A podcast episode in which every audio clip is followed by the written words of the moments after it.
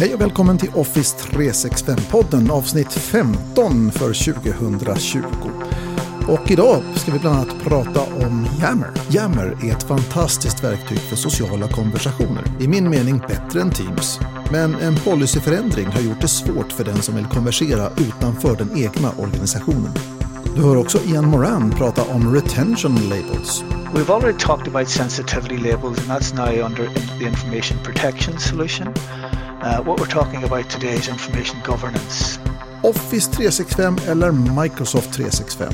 Ja, det är frågan. Office 365 har blivit Microsoft 365. Men inte överallt. Är du förvirrad ännu? Det kommer att bli. Och så blir det som vanligt nyheter. Det här är Office 365-podden. Det är jag som är Mats Warnhoff.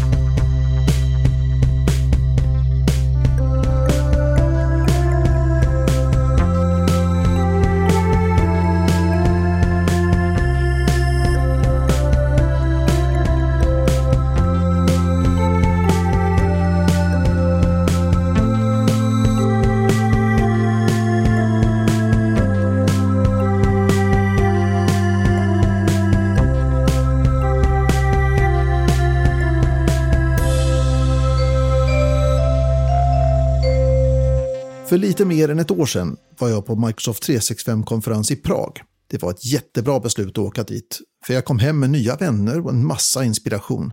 Fast besluten att hålla kontakten med mina nya bekantskaper så gjorde vi upp att vi skulle skapa ett jammer-nätverk för att utbyta tips och tankar med varandra efter konferensen. Jag har ju jobbat i en gigantisk organisation spridd över hela världen så jag förstod på vilket sätt jammer skulle kunna vara bättre än Teams för vårt ändamål. Men det visade sig att det inte skulle bli fullt så lätt. Så snart jag kom hem öppnade jag Yammer och skulle skapa ett externt nätverk, men jag kunde för mitt liv inte hitta vad man gör det. Det var ingen chock att jag inte kunde hitta det. Microsoft har ju nästan gjort det till en sport genom att hela tiden ändra funktionalitet och gränssnitt. Jag fortsatte att leta en stund men gav till slut upp och testade plan B. Google. Ja, som en Microsoft-anställd föreläsare en gång sa från scenen på en annan konferens You know, nowadays you search for things with Bing. Och efter en liten konstpaus la han till med nästan viskande röst But you find things with Google.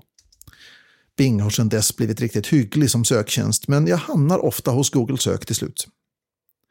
Tio minuter senare hade jag upptäckt att Microsoft hade fattat ett beslut som inte bara tog död på min idé, utan även gjort Yammer värdelös som produkt för mig och mitt företag. Microsoft hade beslutat att om Yammer-tjänsten i min Microsoft 365-instans var uppsatt i EU så kunde jag varken skapa ett externt nät för att bjuda in externa gäster eller själv kunna delta i andras externa nätverk. Det här gjorde mig helt förtvivlad. Inte bara kunde jag inte förverkliga min idé, jag kunde inte ens delta i Microsofts externa Yammer-nätverk för partners. Jag kunde för mitt liv inte begripa varför Microsoft skulle ta en bra produkt som Yammer och sen skära bort det som gjorde produkten så bra. Efter lite efterforskningar landade jag i att det sannolikt hade med GDPR att göra. GDPR är något som jag egentligen tycker är väldigt bra, ja, utom när det drabbar mig negativt, men så är det ju för det mesta. Vi gillar regler när de har något gott med sig för oss och vi ogillar när de ställer till det. Och nu hade GDPR fått Microsoft att defekera i det berömda blå skåpet. Till slut gav jag upp.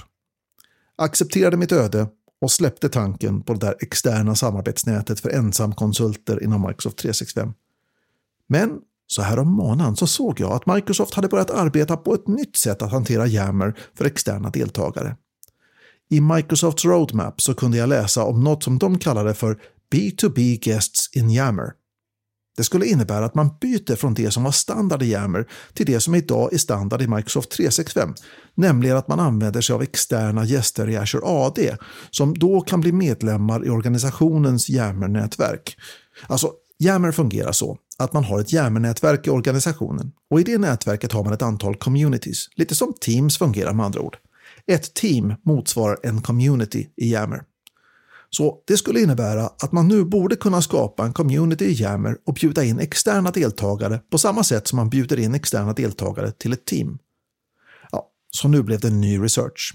Den här funktionen rullar ut nu, precis nu, som test eller preview i våra Microsoft 365-instanser nu under slutet på december. Och vad man behöver göra för att få det här att fungera är att först se till att man har sin jammerinstans i M365 Native Mode som det heter. Någonting som potentiellt har konsekvenser för existerande innehåll, så här fick jag läsa på ordentligt och jag råder dig att göra detsamma. Jag hade knappt något innehåll i jammer så för mig så var det ett enkelt beslut. Jag slog över till Native Mode och 20 minuter senare så var konverteringen klar. Det skulle ta en stund innan inställningen att tillåta external messaging, vilket är det som innebär möjligheten att bjuda in gäster till en community, att dyka upp. Ja, nu har det gått 24 timmar och inställningen är fortfarande inte synlig. Men det är ju en preview och har jag väntat i mer än ett år så kan jag vänta en stund till. Jag hade ju faktiskt gett upp om Yammer. Så nu sitter jag här och medan jag väntar så funderar jag på hur jag ska kunna bygga upp mitt Yammer-nät med olika konstellationer med människor i olika communities. Och kanske kommer jag på sikt återigen att kunna ta del av meddelanden i Microsofts partner community. Jag tänker nu att du undrar varför jag går över ån efter vatten. Varför använder jag inte helt enkelt Teams istället för Yammer? Teams finns och fungerar bra och är välkänt bland både människor och organisationer. Och Yammer å andra sidan lider av att det är relativt okänt, har funktionalitet som liknar något som redan finns och som har begränsningar jämfört med Teams. Kanske är det för att jag är nostalgisk och tänker tillbaka på kontakterna jag hade i Microsofts Yammer-community för Office 365 som nu ersatts av det som heter Tech Community. Och på den tiden på det stora företaget där vi hade interna communities för Office 365-nördar världen över. Och kanske är det för att begränsningarna i Yammer gör verktyget bättre på vissa saker än vad Teams är. Så om jag får önska något Microsoft 365-relaterat inför 2021 så är det att Yammer verkligen får en revival och att du som lyssnar på det här får anledning att testa denna utmärkta produkt i sviten av tjänster som ingår i Microsoft 365. De säger att less is more och det är verkligen sant när det gäller Yammer.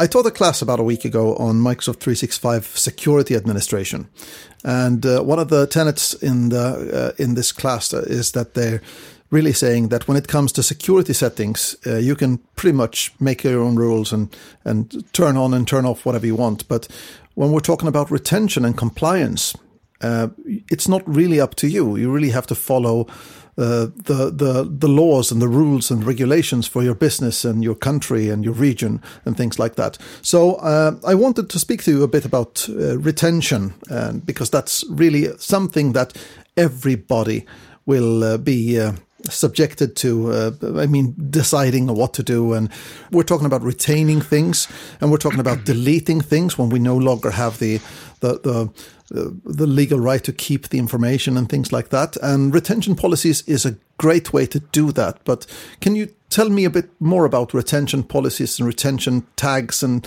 all those terms? What is okay. that? Okay, so I mean, just uh, to expand on uh, on your very good point at the start there, it's not it's not up to us anymore, the people in IT, to define what the retention should be. It really is a business decision, and it's a business decision based on le- possibly based on legal requirements or regulatory requirements. In Europe, we have GDPR. They have they have similar requirements in the United States, Australia, etc. So really, it's about retaining retaining data for as long as you want, and then then getting rid of it when you're finished with it, and putting processes in place to achieve that. It's no longer well, I, I, in my opinion, it's never been a good idea to keep data forever. A lot of companies will keep data forever. That out, out of a, ignorance, I think. Yeah, that's not a workable policy anymore, especially if you're uh, you're moving to the cloud for SharePoint storage, for example, is expensive compared to other types of storage. So you do need uh, you do need some sort of retention policies and uh, plan, if you like, and governance around it in place. And it's a tricky one because what I have found is that, first of all, um, it might be up to IT to define these things that we're about to talk about, but it's certainly never up to IT to to say what they should be. Uh, and that's where you need feedback from the company. Um, you know, a lot of good bloggers out there, uh, Joanne Klein would talk about the, the information governance teams and the regulatory teams. I've never worked, unfortunately, for a company that has those in place. Uh, I assume large companies do, but most of the companies I work with are small, uh, medium enterprise. They don't have that in place. It all comes down to IT at the end of the day. Yeah, but, I, I, mean, they, they may, may, not even have the legal advice. Yeah, of course, absolutely, and they certainly don't know the data. I mean, the finance people know their data better than IT. Uh, the HR people know their data better than the people in IT, and how long that data should be kept, and what to do with it when it when it's uh, when it has reached its end of its lifespan. So what we're talking about today is uh, retention policies and retention labels in Microsoft 365. And just to sort of rewind a bit, this is all exposed or surfaced in the uh, Security and Compliance Center, specifically the Compliance Center I'm looking at right now. And the Compliance Center has changed. You and I were talking about this before we went on on air here. Um, we now have this notion of solutions. So if you go to the compliance center, you can add a number, you can add a number of solutions from the catalog. Uh, this is very different than it was six months ago. And the one we're talking about, well, that we have, we've already talked about sensitivity labels, and that's now under in the information protection solution. Uh, what we're talking about today is information governance, and that uh, that solution, when you add it. uh, into the into your uh, compliance center will give you the ability to create labels. And what a label is, um, it's defined uh, in the Information Governance Center, and you can define how long to. Uh, when you label a when you label documents or when you label emails, whatever, you can define how long these things are kept for. So, looking at uh, looking at the properties of a label. uh, we can retain items for a specific period of time. So I have a label here in front of me that's keeping the data for seven years.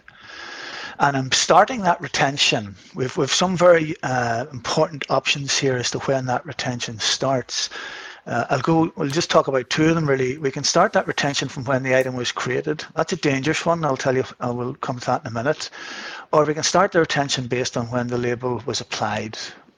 So I have a, tra- a retention label that's going to run for seven years, and then after the end of that, it's going to delete the data automatically. If I was using a, a retention period of, of when the data was created, you could conceivably end up immediately deleting a lot of data uh, right. anywhere anywhere that label has been applied. So again, just be very careful about that. Um, is there so, is there an option to to to have deletion based on uh, when the uh, when the item was last edited as well? Yes, there's, there's when it was modified, etc. There's about seven options in there. We don't really have time to go through them. Um, and at the end of that deletion, we also have the option of maybe of having what's called a disposition review. So instead of letting the system delete the data automatically, you might want to send that to people who are responsible for saying to themselves, "Well, yes, okay, we will we will let this be deleted," or "No, I'm going to add another label here. I'm going to increase the time we keep this, or yes, we're just going to delete it." So the disposition review um, is a group of people or person that will um, have a particular area uh, and permissions into the compliance center to allow them to see records that are, uh, if you like, under disposition review that need their attention to do what whatever they want with them. There is another setting there uh, in defining a label, and it's a dangerous one, I think. Uh, retain items forever. So if you create that label and apply it to content, uh, that that data will be kept forever only delete items when they reach a certain age. So you create a retention label that says after five years, just um, delete it, but at least keep it for five years. And then one that simply marks it, if you like, as a, as a, as a, you know, as a, literally as a label, but the label does nothing. It's just a text label. Don't retain or delete items. You just might want to mark some data. Uh, I don't know why. I can't see a use case for that, Matt. Can you? No, uh, not really. we're talking about but, sensitivity but labels. I can I can see yeah, the use case exactly. for it, but yeah, yeah. But retention, not so much. Yeah. So once we define the label, and obviously uh, there's a lot of planning in, involved in defining these labels. Um, my uh, approach would be the way everybody else approaches this: start small, um, crawl, walk, run. Right. You know, you start with the finance department, start with the HR department, define one or two labels to see how it all works. Um, the label will do nothing in itself once it's defined. Uh, it has to be wrapped up in a, a label policy, and the label policy then is published out to locations, and the locations would be things like OneDrive for Business, SharePoint sites, Exchange mailboxes, uh, Teams chat and channel messages. Uh, Yammer, I believe, is now in preview. I haven't seen it in my tenant. No. So these so these labels are defined and they're wrapped up in policies, and then you publish them out to locations. And you have a lot of granularity there in terms of uh, how you publish those policies. Right. If you like.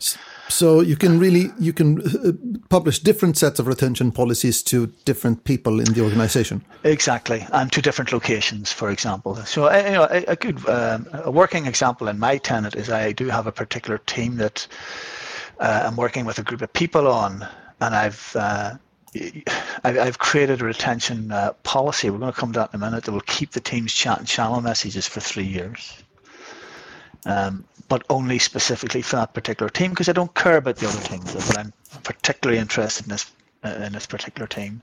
So the thing about the label then is that the once the labels are defined and published, it's then up to the end user to, to select the label that they're going to use. So in Microsoft Outlook, when they're creating an email, they can uh, uh, pick the label that uh, is going to apply to that particular content. Uh, similarly, in a document library, you can add the label column into the library, and the end user can pick from a drop down of the labels that have been published to that location. So this is all fine. Uh, this is all fine, um, except for one glaring problem. Uh, users don't like doing any of this. Right. So there's a lot of automation built around this, and when I say the uh, when I say the word automation when it comes to uh, labeling or sensitivity labels or retention labels, you're thinking uh, you have to be thinking of uh, more licensing costs. Uh, that's right. the la- that's the first and last time we're going to mention that word licensing. But for example, um, we can apply a default document. Uh, sorry, we can apply we can, we can apply a label, a retention label, as the default label on a document library, and that's excellent from the end user's point of view because they have to right. do nothing. They just drop the documents in the library, and they'll be retained for whatever uh, the the label has been defined to retain them for. And we all know that the less we, you know, the less we get the users to do, uh, the better. Right. Uh, so sadly, really, really, you only have to do changes if you want to do an exception from the default policy. Exactly. Exactly mm. right. So, um, and this is the this takes us very nicely to retention policies because I think the two work very well together. So the retention labels are wrapped. Uh, retention labels are wrapped in a label policy. This is actually quite confusing the way they've, they've uh, been naming this, I think. The label is, like, is wrapped in a label policy which is then published to locations for end users to use and apply. A retention policy is different. It's not using labels as such. This is a global across the, uh, so we can have a retention policy that, that applies to Microsoft Teams chat and channel. That's not using labels. That's using a retention policy. And a very good use case uh, or a very good example of how you might want to approach this is you can have a retention policy that retains don't don't uh, don't do this in production, but you could have a retention policy that retains everything for three years across the board. Um, but then have specific labels that allow end users to decide, well, actually, I want to keep this data for five years. So it, it gives us a type of belt and braces approach to how this works. But the thing about the retention policy is the end user is never aware of it. So if a retention policy is in effect on a SharePoint site, the user knows nothing about it. They will happily edit, delete, modify content, and, uh, and the first time that the content is modified, a copy is put in what's called a preservation hold library, which is created in that particular site collection. Right. So you need to be careful with storage on this because the uh, again the storage in the preservation hold library will count towards your overall SharePoint usage. So again, gets back to the whole point. Uh, gets back to our whole argument of don't keep the data forever. Be, be careful and think about um, think about how long you want to keep this data for. And not all data needs to be governed by this. In, in many businesses, it might only be one or two sites. It might be the HR site. It might be the finance site um, so you know it, it, takes a lot of planning, but there's a lot of granularity and a lot of power in what Microsoft have produced here uh, in under the information governance umbrella. Now there's a second solution we can add because what we haven't talked about here is records management. So there's a second solution that we can add into the catalog called records management and, allow, and it takes that label definition further because the label definition UI now changes to allow you to declare an item as a record if that label is used and uh, there's a new regulatory record which has been added. And there's a, I was looking at this actually this morning because I remember talking about this uh, on Twitter, and when the records, the regulatory record was was announced, I think in, at Ignite, if, if I'm right, Mats, I can't remember. Right. And right. I remember when it was when I was reading about it that it could only be set uh, using PowerShell, and I thought, excellent, that's a great idea because you need to really think hard, long and hard about this.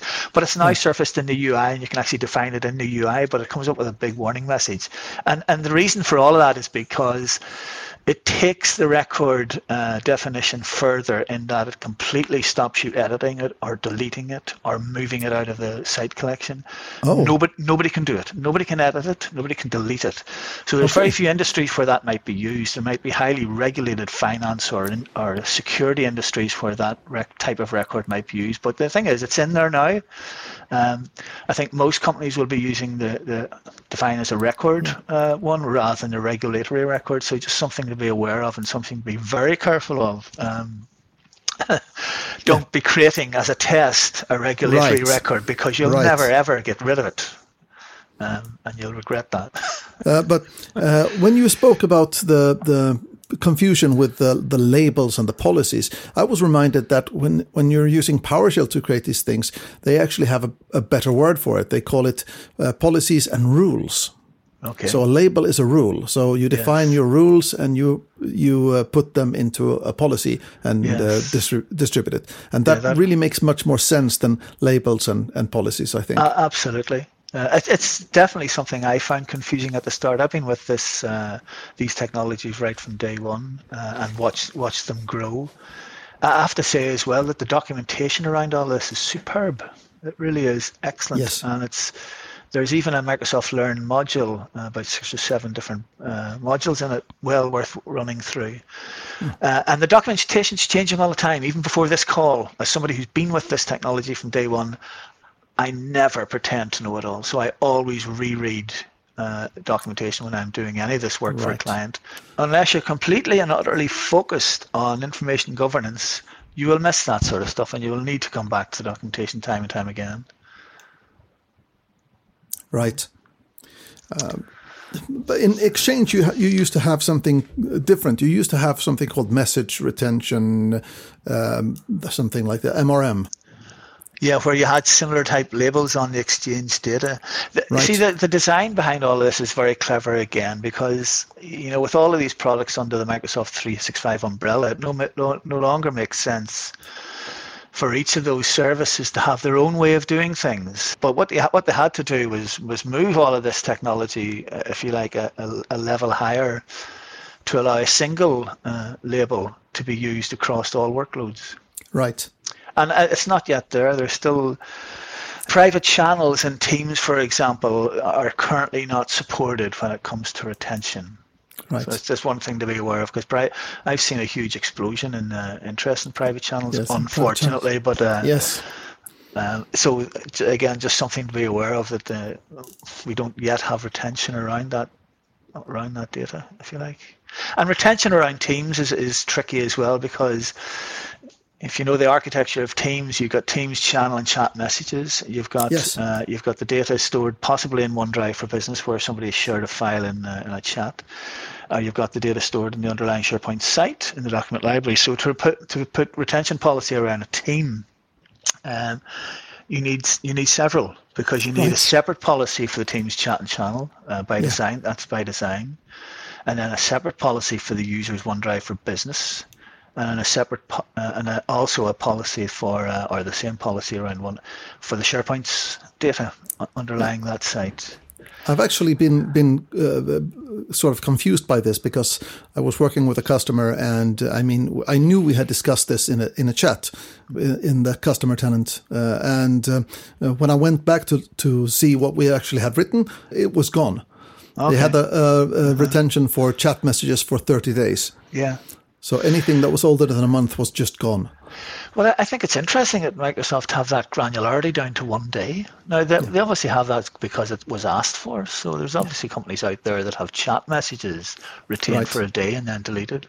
I think um, the, the, general feeling there is that there's more libelous material possibly in, in chat rather than in channel messages. So the, uh, yeah, they've separated the two of those out, if you like. So, uh, like a, an advice for anybody looking to start using retention, I've come across a, a, a, sort of idiom that says that don't strive for perfection, strive for improvement. Yeah, very good.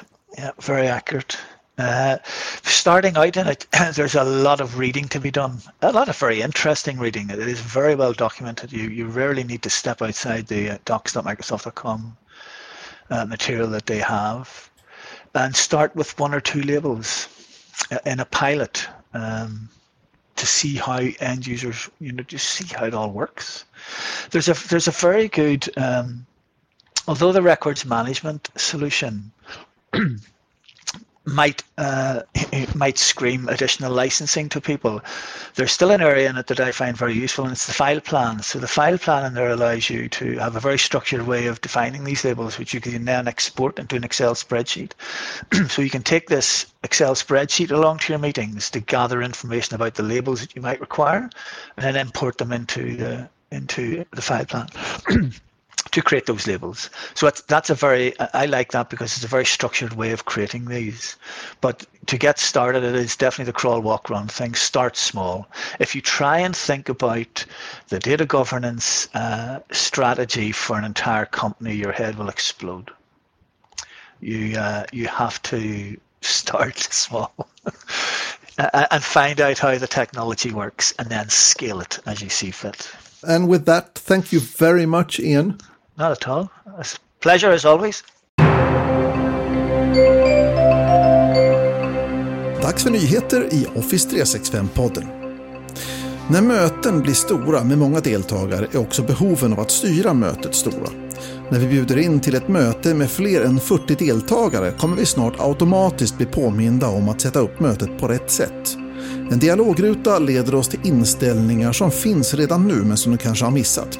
De här inställningarna omfattar vem som kan vara presentatör, huruvida deltagare kan slå på sin egen mikrofon eller inte och vilka som hamnar i lobbyn när de försöker ansluta till mötet och liknande inställningar. Den nya är alltså själva påminnelsen och den hör till en kommande uppdatering av Teams-klienten.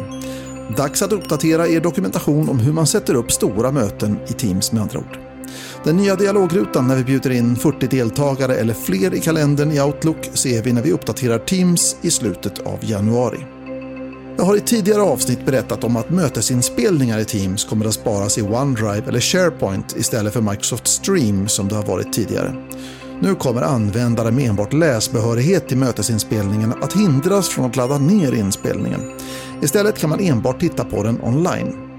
Har du bättre behörigheter än enbart läsrätt så kan du fortsätta ladda ner inspelningsfilen. Men som standard så blir det också så att när vi delar ut en mötesinspelning så kommer behörigheten i delningen att vara läsrätt. Så vi måste avsiktligen välja att inspelningen ska vara nedladdningsbar. Från den 5 oktober kunde du via policy ändra om mötesinspelningar hamnade i OneDrive eller SharePoint. Från den 7 januari blir det standard men du kan via policy välja att spara i Microsoft Stream istället. Från mars blir alla utom utbildningsinstanser av Microsoft 365 tvingade att spara i OneDrive och SharePoint. Utbildningsinstanserna blir tvingade från juli. Att ha en gemensam kalender i Teams är något som många velat ha. I ett litet team kanske det räcker med en enda kalender, men för dig som har riktigt stora team så kan du vara lugn. Du kommer att kunna sätta upp en kalender per kanal i Teams. Den enda begränsningen är att kalendern inte kommer att vara tillgänglig för externa gäster, utan enbart för deltagare från den egna organisationen. Och i slutet av januari kommer vi alltså att kunna skapa en kalenderflik i våra Teams-kanaler. Också SharePoint får en rad nyheter framöver. Vi får bland annat en förbättrad hjälp första gången vi skapar eller redigerar en sida i SharePoint. En guide kommer att ta oss igenom stegen och lära oss det vi behöver veta. Verktygslådan, den rutan med alla webbparts som vi kan bygga upp våra sidor med, blir också lite förändrad. Istället för framhävda webbparts så kommer de webbparts vi oftast använder att få en tydlig plats i verktygslådan. Bilder kommer att bli bättre exponerade genom att vi kommer att kunna klicka på bilder på SharePoint-sidor och se en uppförstoring eller en så kallad lightbox med bilden. Vi ser de här förändringarna under slutet av januari och början på februari. Och det var nyheterna i Office 365-podden. Om du är förvirrad över Microsofts namnbyten från Office 365 till Microsoft 365 så är du inte ensam. Namnbytet är inte helt genomfört och i min mening inte helt genomtänkt heller. Och vi som jobbar heltid med att sälja, bygga, undervisa och ge råd runt de här tjänsterna är nästan lika förvirrade som du troligen är. Jag läste nyligen ett blogginlägg från Lorian Strant. Du hittar URLen i shownotesen till blogginlägget. Och det här blogginlägget inspirerade mig att prata om det här i Office 365-podden. Och om du inte är förvirrad runt det här namnbytet ännu så varsågod. Abonnemang och prenumeration är två begrepp som vi använder och det i sig kan vara förvirrande begrepp. Ett abonnemang det är ju ett avtal om leverans av en tjänst eller en produkt som vi prenumererar på, det vill säga som vi betalar i förskott för. Och det vi prenumererar på i Microsoft 365 är ett produktpaket. Vi får tillgång till ett flertal produkter och tjänster i ett paket eller svit som det ibland kallas för. Om du har ett abonnemang för små och medelstora företag så heter abonnemangen Microsoft 365 Business Basic, Microsoft 365 Business Standard och Microsoft 365 Business Premium. Så där är det konsekvent Microsoft 365-namnet som används. Men om vi pratar om abonnemangen för större organisationer och myndigheter och skolor, ja, då är det mer inkonsekvent. Och det beror nog kanske på att det var här vi såg namnet Microsoft 365 för första gången. Microsoft 365 brukade innebära ett produktpaket som innehöll Office 365, EMS, det vill säga produkter för avancerad säkerhet och hantering av enheter som datorer, plattor och mobiltelefoner. Och Windows 10-licens, alltihopa i ett enda abonnemang. Men för att nu kunna använda namnet vid olika abonnemangsnivåer så har man nu flera varianter där man har olika paketeringar där Office 365, EMS och Windows 10 ibland ingår och ibland inte beroende på om det är Microsoft 365 E3, Microsoft 365 E5 eller Microsoft 365 F3 eller vad det nu är. Sen kan man fortfarande välja att enbart abonnera på Office 365 E1, Office 365 E3 och Office 365 E5. Så det här är ju väldigt flexibelt för den som vet vad den vill ha och väldigt förvirrande för den som inte vet. Microsoft 365 Apps. Ja, det här är den senaste källan till förvirring. Det vi känner till som Microsoft Office heter fortfarande Microsoft Office när vi pratar om ägandelicenser, det vill säga Microsoft Office 2019. Men när vi har ett abonnemang där vi prenumererar på ett visst antal licenser, ja då heter det Microsoft 365 Apps. Det heter fortfarande Office-uppdateringar och Microsoft 365-portalen eller Office 365-portalen eller vad vi nu ska kalla den här webbplatsen där vi kan se alla webbapplikationerna som du fortfarande hittar på adressen office.com. Ja, där får du fortfarande uppmaningen att ladda ner och installera Microsoft Office på din dator. Och om du gör det och installerar så kan du enkelt konstatera att du just installerat Microsoft 365 Apps. Och så har vi URLer och produktdokumentationen. Här är det fullt kaos. Microsoft använder Microsoft 365 och Office 365 som om det alltid är synonymer. Men som du nu borde ha förstått så är det ju inte alltid det. En kund till mig hörde av sig under hösten och hade försökt förstå Office 365 Microsoft 365 genom att läsa på webben. Mest på Microsofts egna sidor och hon visste inte om hon skulle skratta eller gråta. Hon hade försökt att reda ut någonting som hon var förvirrad över och fick till slut ge upp helt och hållet. Begreppen är röriga för mig med och jag jobbar med det här på heltid. Jag tänker att det är helt omöjligt för en nybörjare att få klart för sig hur allt hänger ihop. Jag tänker och hoppas att det här är en fas som Microsoft snart kommer att reda ut. För Microsoft hade ett välkänt och väl fungerande produktnamn och varumärke med Office och Office 365. Nu har de en varumärkesröra och en begreppsröra som jag omöjligt kan tänka mig att de själva är stolta över. Och det var allt för Office 365-podden för det här året. Tack så jättemycket till dig som har lyssnat på den här podden under 2020. Hoppas att du har haft någon slags glädje av det här. Tack så mycket också till Ian Moran som var med i det här avsnittet och pratade om retention labels. Pia Langenkrans och SharePoint-skolan hör du igen under 2021. Om du har feedback, tankar eller frågor skicka gärna ett mejl till office365podden at varnolf.net. Ha det så trevligt så hörs vi. Hej!